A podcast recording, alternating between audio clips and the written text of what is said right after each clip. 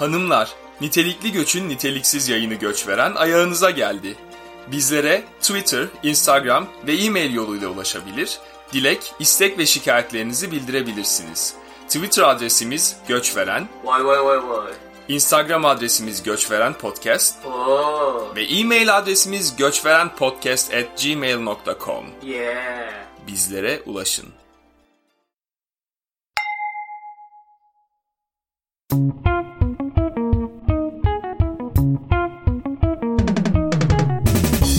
Evet sayın dinleyiciler, Göçveren Upminster stüdyolarından yeni bir bölümde daha sizlerle birlikte.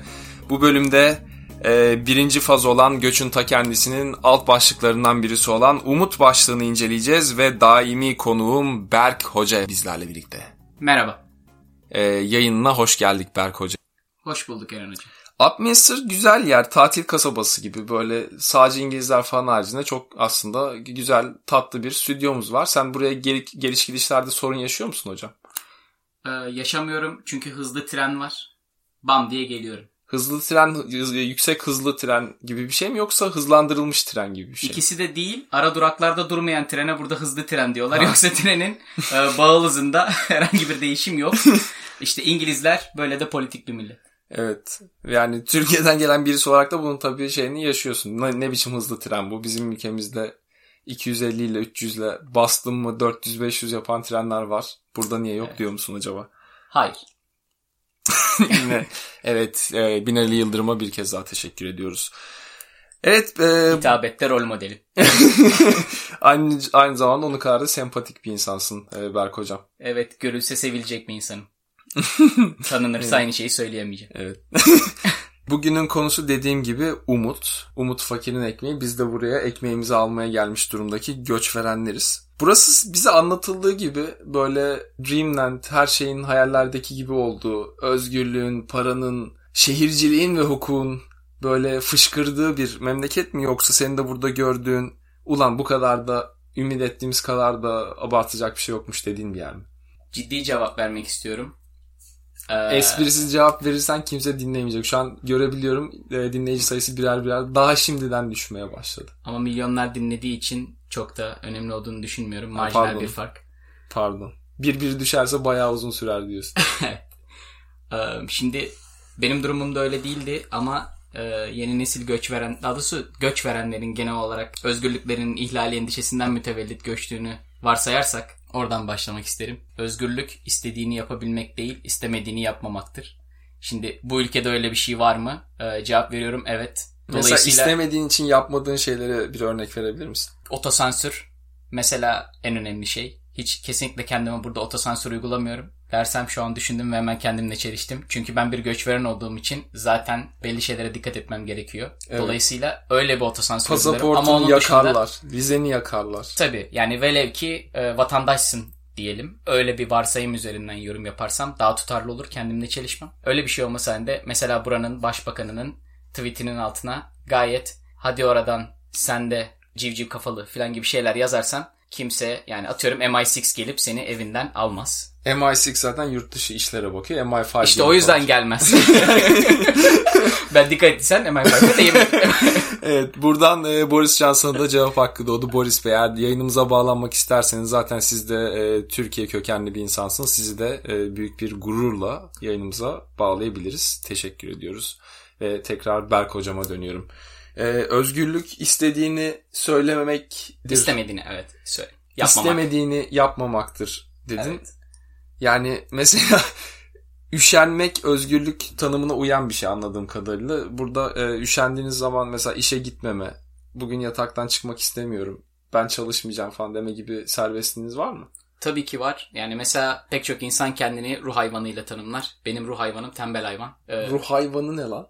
Mesela ruh hayvanı senin karakter olarak kendine yaşam biçimine en çok örtüştürdüğün hayvana genelde ruh hayvanı deniyor. Şimdi dediğim gibi Türkçem zayıf olduğu için çok iyi anlatamadım. ama Fiziksel gene de- olarak uyumasına gerek yok yani. Yok fiziksel olarak daha önce de belirtmiştim. O zaten tapir.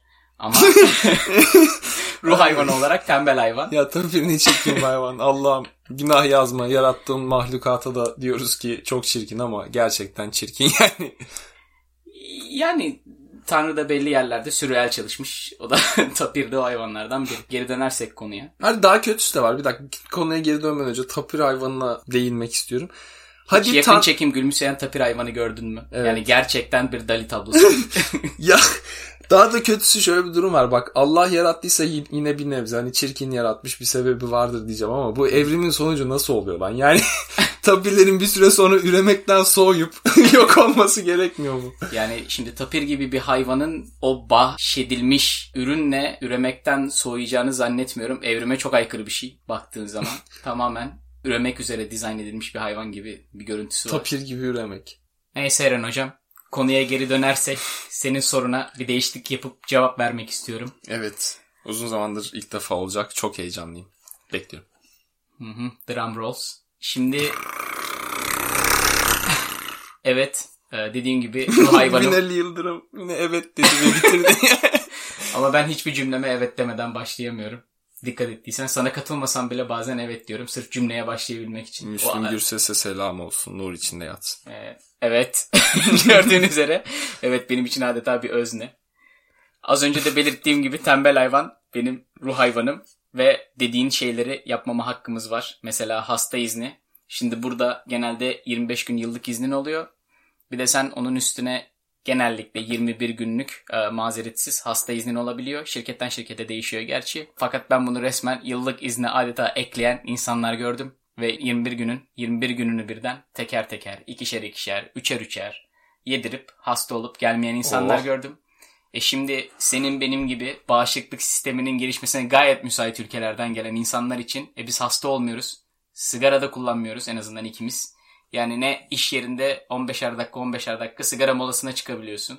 Ne hasta oluyorsun. E keriz gibi Eşek çalışıyormuşsun gibi gibi. çalışacaksınız hocam. İşte ben de öyle olmasını ruh, istedim. ruh hayvanın eşekmiş.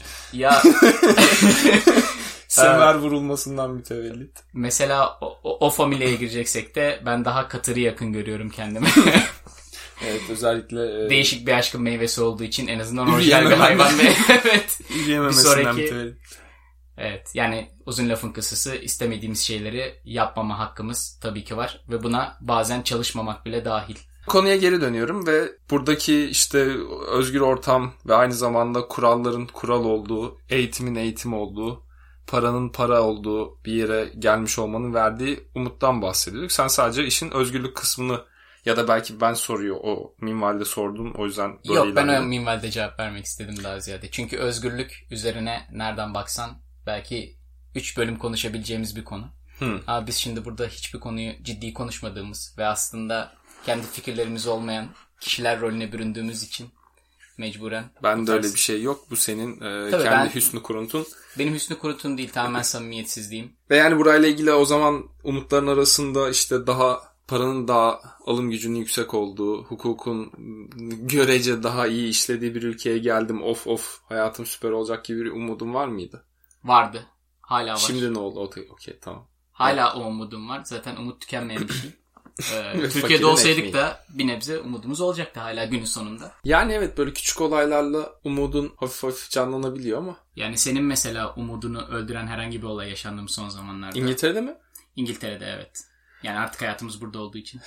Yani Brexit muhabbeti zaten büyük bir vurgun. Buraya zaten Schengen bölgesi olmayan bir yere geldik. Çok fazla bir turistik e, özgürlüğümüz olmadı. Bak- İşte Avrupa ülkelerini tek tek dolaşamadık. Her seferinde Schengen al, öyle git Avrupa'ya. O bir zorluk. E şimdi bir de adamlar pasaportunu alsak Avrupa Birliği'nden çıkacak. Yine elimizde pasaportta kalacağız gibi duruyor. Bir o benim umudumu biraz bozan, kıran bir konu oldu. Ama onun haricinde şunu söyleyebilirim. Ülkede özgürlüklerden falan daha çok benim Türkiye'de en çok rahatsız olduğum şey kuralsızlık ve her kuralın esnetilebilir olmasıydı. Ve burada gördüğüm şey şu ki ortalama vatandaş ne Türkiye'de ne İngiltere'de fark etmiyor ama devletin kuralları uygulaması ve üstüne bir de bu kuralları uyguladığı için para kazanıyor olmasından mütevellit bir de üstüne ısrarla uyguluyor olması aynı başıbozukluk seviyesindeki bir milleti yola sokmuş Ee, ve herkes en azından hayatının %80'inde %90'ında bu kurallara uymak zorunda kalıyor. Bu belki geleceğime umutla bakmama sebep. Ama dediğim gibi bence ortalama İngiliz'in kural tanımazlığıyla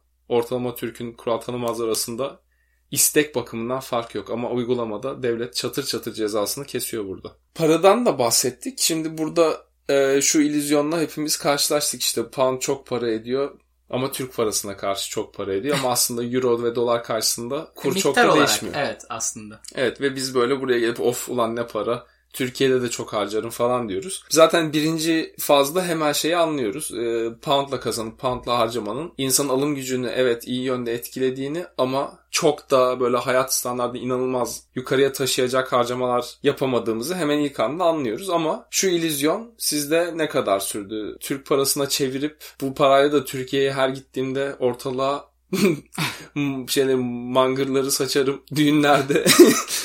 o videoda parayı ortaya saçan kişi ben olurum e, illüzyonu sizde hala devam ediyor mu? Ne kadar devam etti? Ediyor çünkü benim nacizane gözlemim gene Türkiye'de insanlarda hala 3 haneli rakamlar sanki yüksekmiş gibi algılanıyor. Mesela 100 TL 200 TL deyince o oh, wow diyorlar. Oysa ki eskiden 100 TL 33 pound'tu. Şimdi baktığın zaman 15 küsür pound. Evet.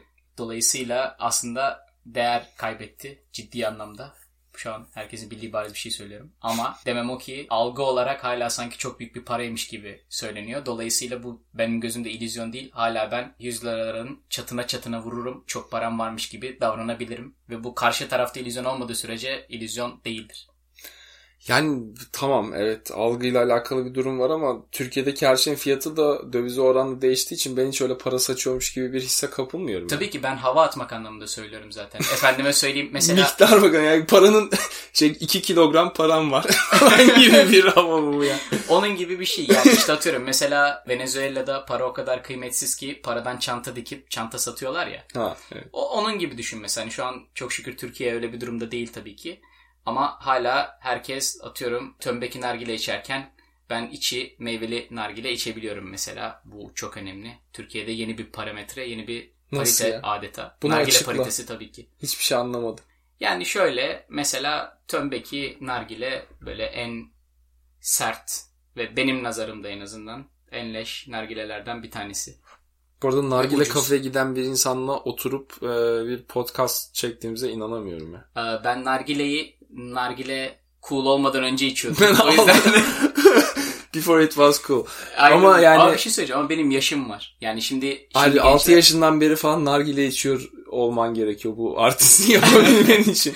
6 yaşından beri değil de 18 yaşından beri içiyorum. Yani neredeyse 20 senedir içiyormuşum baktığın zaman. Dolayısıyla bayağı önceden beri içiyorum. Evet, o yüzden ben bunu şu an hakkım bütün var. modum düştü. Nargile kafeye giden birisiyle bir arada olduğum için şu an kendimi garip hissetmeye başladım. Ya bu da işte senin ne kadar önyargılı bir insan olduğunu Ne gösteriyor. kadar göç veren bir Oysa göç veren olduğumu gösteriyor. Demem oydu ki nargile artık bir parametre oldu mesela. Daha sonra bir parite Ama oldu. meyveli meyveli nargile içebilmenin nasıl bir parametre olduğunu anlamadım. parametre değil parite şöyle o meyveli yanarlı dönerli nargileler yeni çıktılar. Ve onlar ekstra para. Çünkü dediğim gibi yanarlı dönerler ve artık bunun yeni piyasası oluştuğu Oğlum için anlamadığım nokta şu. Meyveli nargile zaten benim çocukluğumdan beri Hayır. var bildiğim. sen Marmelat aslında gibi haklısın. tütünü var. Ben güzel anlatamadım. Bahsettiğim şey meyveli tütün değil. Ha. Nargilenin içerisinde meyve var. Nasıl ya? Evet bayağı böyle bir. Onu mu emcikliyorsun? Onu emcüklemiyorsun ama şekil olarak güzel oluyor. Hatta ben içinde böyle ledli olan nargileler falan da gördüm. Böyle değişik. Adam hem ışık sistemi döşemiş. Birisi şunu yapmış. meyve var. Birisi şunu yapmış. Böyle nargileye bakmış. Bir dakika bu yeterince e, avam değil. Yeterince böyle e, boktan bir zevk değil. Ben bunu nasıl daha da boktan yapabilirim demiş. Sonra arkasına dönüp e, neonlu Şahin görüp bunun içine neon atalım. Yanarlı meyve atalım falan demiş gibi hissediyorum şu an. Ya şimdi sanatçının neden esinlendiğini ben bilemem. Ben son ürüne bakıyorum. Bu arada gerçekten sanat bu dedin. Çünkü özür dilerim sürekli lafını kesiyorum ama yani e, bu ancak ne bileyim Salvador Dali falan seviyesinde bir şey yani. Ya tabii bu sıra dışı bir bakış açısı. Yani ben kesinlikle küçümsemiyorum zaten. Farklı. Evet. Yani belki de çağın ötesinde biz anlamıyoruz. Bilmiyorum. Yani bu arada benim- Salvador Dali değil özür dilerim. Melih Gökçek seviyesinde bir sanat bu. Ee, evet sen Ankaralı olduğu için daha iyi bilirsin. Bizi resimlerden takip edebilirsin. sen o sanatı canlı görüp yaşamış sayılı insanlardan Evet. birisin. Yani dev Gülliver heykelinden robot heykellerine kadar. Dev mesela kol saati şeklinde saat kulesi yaptı adam. Hmm. Bu bu sanatlı anlatım yani bir nasıl söyleyeyim senin benim anlayabileceğimiz bir feyiz değil bu. Tabii. Bunu sadece ilimli gözler anlayabilir. Ya evet muhtemelen impresyonistler gelse fırçalarını kırarlardı. Öyle sanat eserleriydi onlar Evet. gerçekten. Konudan bu kadar kopmuşken o zaman ortasından başka bir konuya dalalım. Çünkü yani bunun döneceği yok. Döndürmeye çalıştıkça da Ya giderek- tabii ben nargile üzerine de ayrı özel bölüm yapabilirim Evet. mesela. Başkasıyla yaparsan sevinirim. Ben o bölümde dinlemek bile istemiyorum o bölümü. Peki burada çıkılan yolda kendi adıma mesela eşikler koyuyoruz. İşte şunu da alırsam şöyle yaparım. İşte kalıcı oturum iznimi alırsam böyle yaparım. Pasaportumu alırsam şöyle yaparım şeklinde kendi eşiklerimiz var. Ve bu da aslında işte bu, her eşiğin aşıldığında bir umudun daha da gerçekleşmesi ve canlanması, ete kemiğe bürünmesi anlamına geliyor. Senin böyle eşiklerin var mıydı belki e, hoca yoksa e, sen gayet dümdüz umudumu stabil tuttum hiç eşik meşik koymadım mı diyorsun? Var tabii. Çünkü gene bu İngiltere'deki sistemle alakalı bir durum. İşverenin sana sponsorluk veriyor ve sen kalıcı göçüm hakkını alana kadar sponsora bağlı çalışmak durumundasın. E böyle bir şey olduğu zaman da tabii ki her zaman umudunu baki tutman gerekiyor ki o sponsorluk zulmüne dayanabilesin. Bu arada Baki dediniz Baki Bey'e de cevap hakkı doğdu. Hemen cevap veriyorum o zaman.